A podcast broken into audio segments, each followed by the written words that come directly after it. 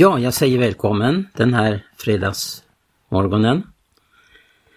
Jag heter Tage Johansson och eh, jag har också med mig Gertrud, min fru, här som ska läsa ett bibelsammanhang. Och jag ska eh, ta ett axplock från Bibeln den här gången.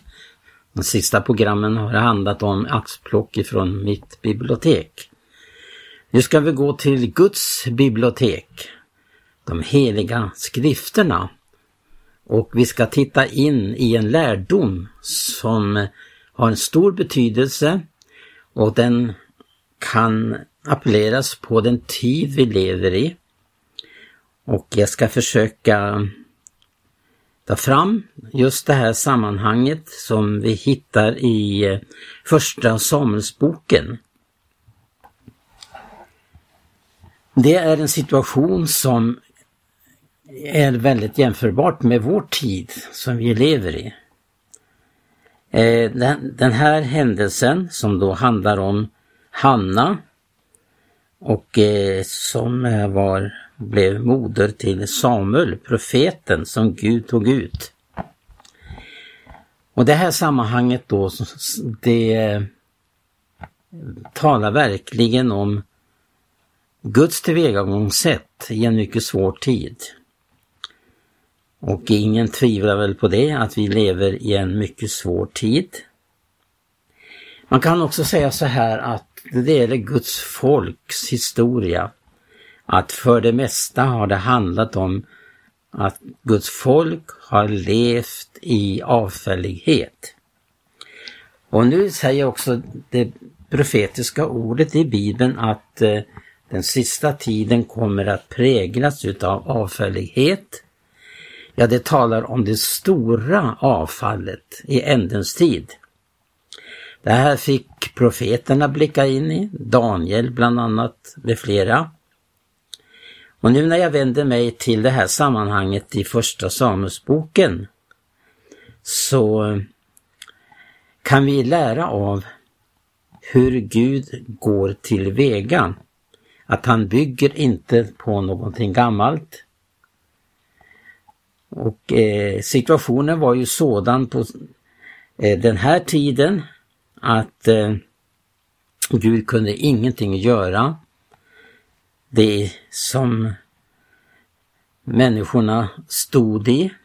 Fast man hade eh, skrifterna, de heliga skrifterna. Man hade sin tempeltjänst och folket eh, de eh, menade att man eh, tjänade Gud, att allting var okej. Okay. Ja, allting det flöt på. Precis som ingenting var någonting speciellt. Men det var faktiskt någonting väldigt speciell tid som Samuel växte upp i. När det står att Guds ord var sällsynt på den tiden. Profetsyner orkade inte fram som det står i en översättning. Vad vi kan lära av den här eh, tiden det är mycket intressant. Och jag vill understryka det ännu en gång att vi kan mycket väl eh, se en parallell med vår tid. Där Guds ord är sällsynt, där profetsyner inte orkar fram, där var och en gör vad man tycker är, är okej, okay, men Gud överger aldrig sitt folk. Och vid det här tillfället så upplever man verkligen hur eh, Guds ögon som överför hela världen. För att han i sin kraft skall bistå den som med sina hjärtan hängiva sig åt honom. Ett uppvaknande, ett andligt uppvaknande börjar alltid i någon enskild människas liv. Och det är det som den här händelsen som vi ska titta på speciellt ger klarhet i. Gud börjar med en enskild människas liv. Och han söker för att finna någon som kan bli en kontaktpunkt för hans uppenbarelse. Nu var det så att eh, det var en kvinna, Hanna, som på den här tiden upplevde svårigheter.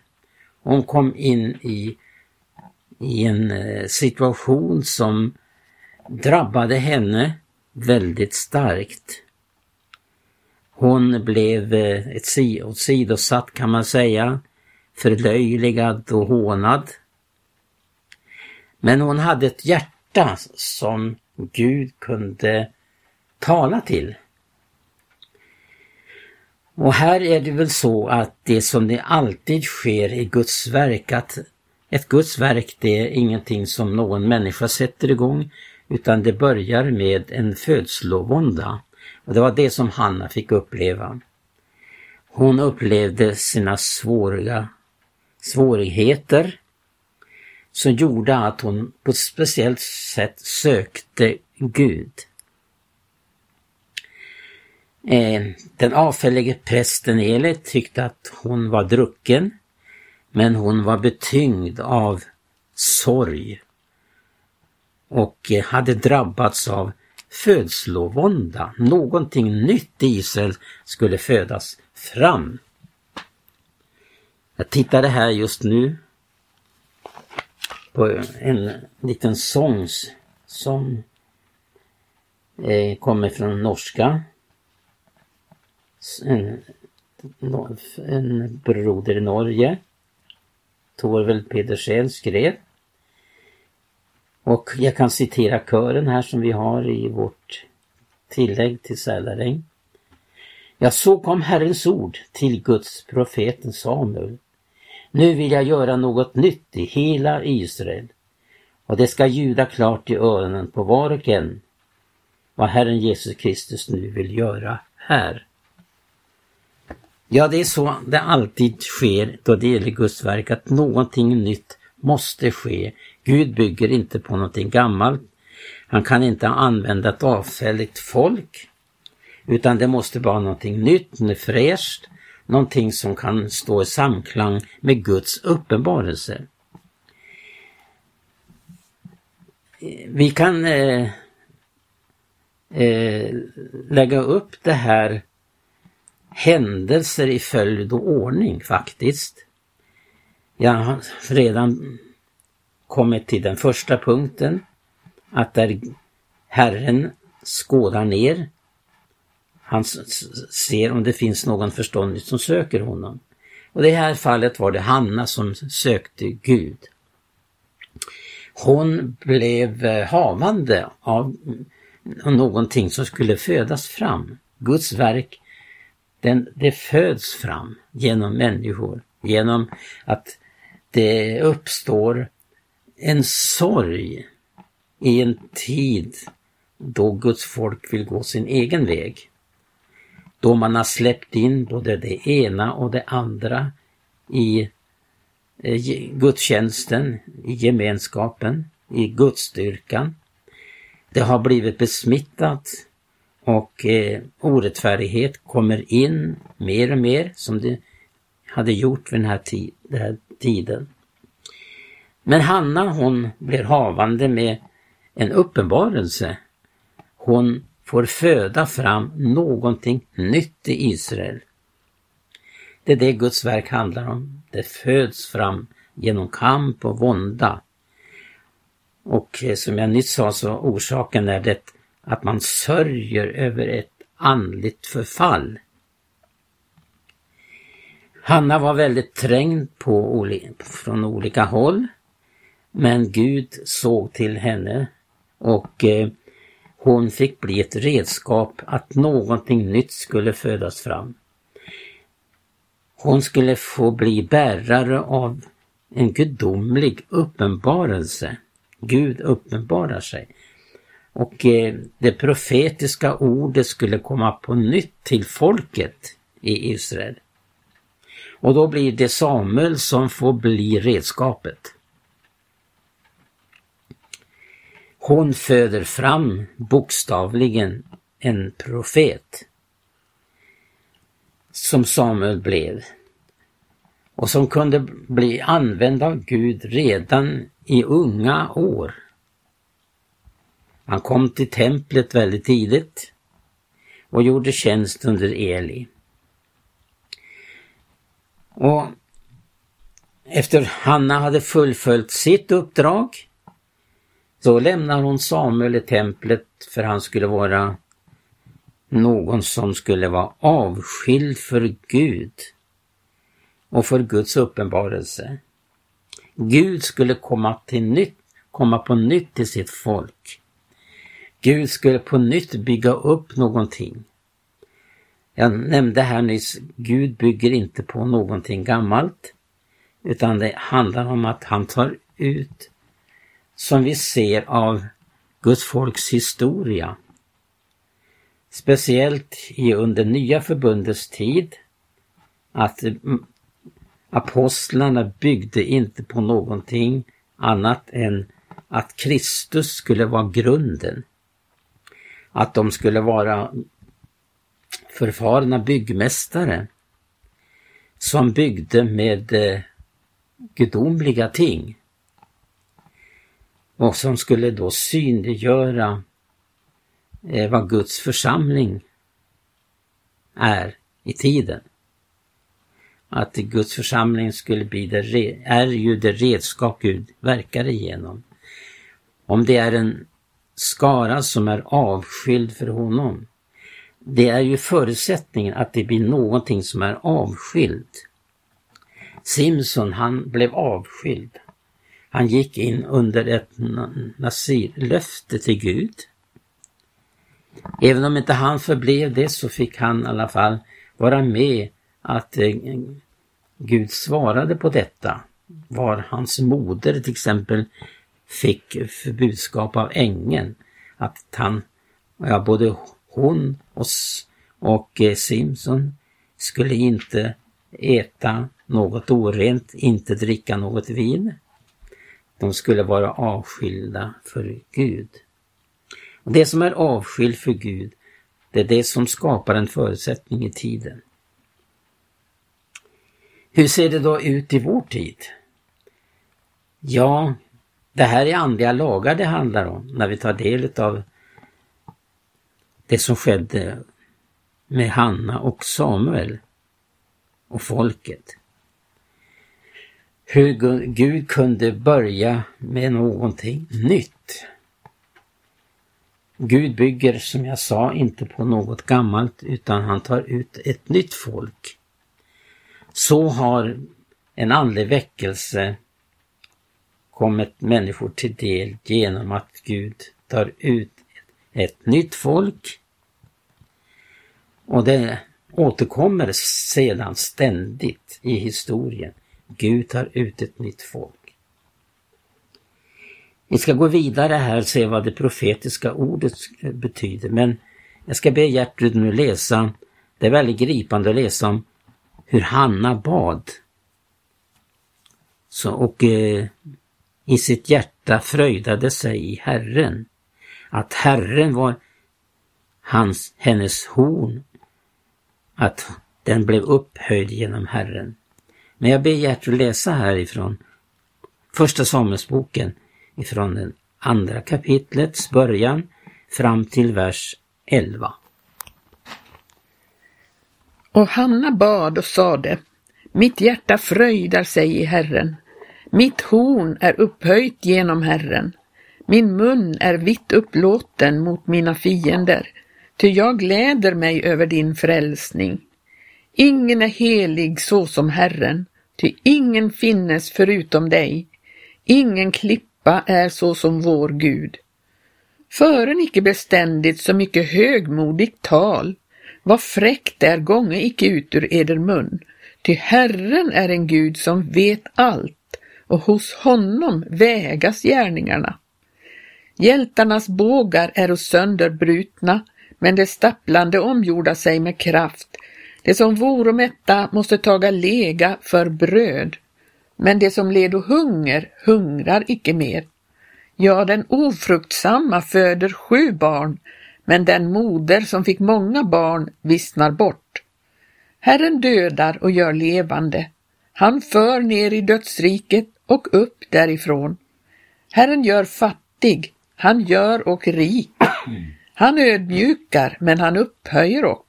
Han upprättar den ringe ur stoftet, ur dyn lyfter han den fattige upp, ty han vill låta dem sitta bredvid furstar, och en härlig tron giver han dem till arvedel.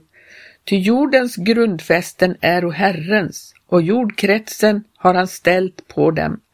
Sina frommas fötter bevarar han, men det ogudaktiga förgöras i mörkret, ty ingen förmår något genom egen kraft. Det som strida mot Herren bliva krossade, ovan dem dundrar han i himmelen. Ja, Herren dömer jordens ändar, men han giver makt åt sin konung. Han upphöjer sin smordes horn. Ja, Hanna blir alltså föremål för att Gud talar på nytt igen. Det, kunde, det gick i, i stundom långa tider innan ett profetord hördes bland folket. Men så sker ett nytt uppvaknande som det skedde vid det här tillfället. Och Hanna hon får träda inför Guds ansikte och eh, bedja denna profetiska bön. Jag, jag sa här nyss att det finns eh, andliga lagar som, och det, för, det ena följer på det andra. Jag, jag har kommit till punkt två. Jag har nu tagit upp fyra, fem, sex, sju punkter här som följer på varandra. Och nu har vi då gått igenom den första punkten, det var att Guds ögon överför hela jorden. Han söker och finner någon som kan bli en kanal för hans uppenbarelse. Detta att Gud uppenbarar sig innebär att Hanna kommer in i en födslovånda och ska föda någonting nytt. Hon ska föda någonting som ska bli en kanal för Guds uppenbarelse, för Guds ord. Och det blir ju då den son som hon föder, Samuel, och som hon också har avskild för Gud. Det har ju varit stor betydelse. Hon har burit fram sin son som ett heloffer åt Gud. Och Samuel han växer upp i templet men redan som liten pojke så börjar Gud tala till honom. Han förstår ännu inte Guds röst så han går till Eli och frågar, du ropar ju på mig. Gud ropade på gossen mitt i natten. Nej, gå och lägg dig. Och Samuel gjorde då, men Gud ropar igen och när det upprepas så här så förstår Eli att det är Gud som talar till gossen. Och då får han lära Samuel att vända sig till Gud som ropar på honom. Så när du hör rösten igen så ska du säga Tala din tjänare, hör. Tänk, en ung liten grabb får vara med om detta. Men det var ju naturligtvis Hannas insats i tiden som betydde detta, att någonting nytt börjar ske. Allt det här följer i sin tur och ordning. Det är andliga lagar. Det, det är alltid så att Gud arbetar efter dessa andliga lagar. Det som därefter följde på att Samuel får höra Gud tala är att han blir ett språkrör. Han blir den kanal som var nödvändig för att någonting nytt skulle ske i Israel. Han blir föremål för det profetiska ordet. Det här finns väldigt mycket att säga och det ser vi genom historien vad det betyder när det profetiska ordet kommer och skapar någonting nytt. För vad det, det, det är ju det det handlar om här då det gäller den här skildringen vi har i Första Samuelsboken. Det sker någonting nytt. Gud vill ju göra någonting nytt. Han glömmer inte sitt folk. Men det, det som också sker genom det profetiska ordet är att det blir en uppgörelse också med avfallet. Och det är så väldigt viktigt att Gud får en kanal.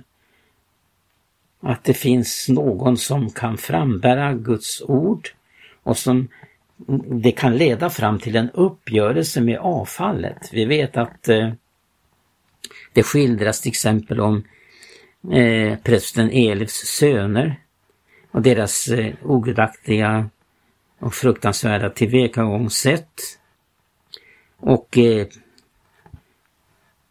prästen eller tog aldrig tur med det här. Och det drabbar honom också själv. Och det, den här uppgörelsen är ju nödvändig. Det är ju så att Guds ord som är skarpare än något tvegat svärd, den tränger igenom åtskilliga själ, ande, märg och ben. Och det blir en domare över hjärtats uppsåt och tankar. En uppgörelse kommer alltså till stånd genom att ordet på nytt blir uppenbarat.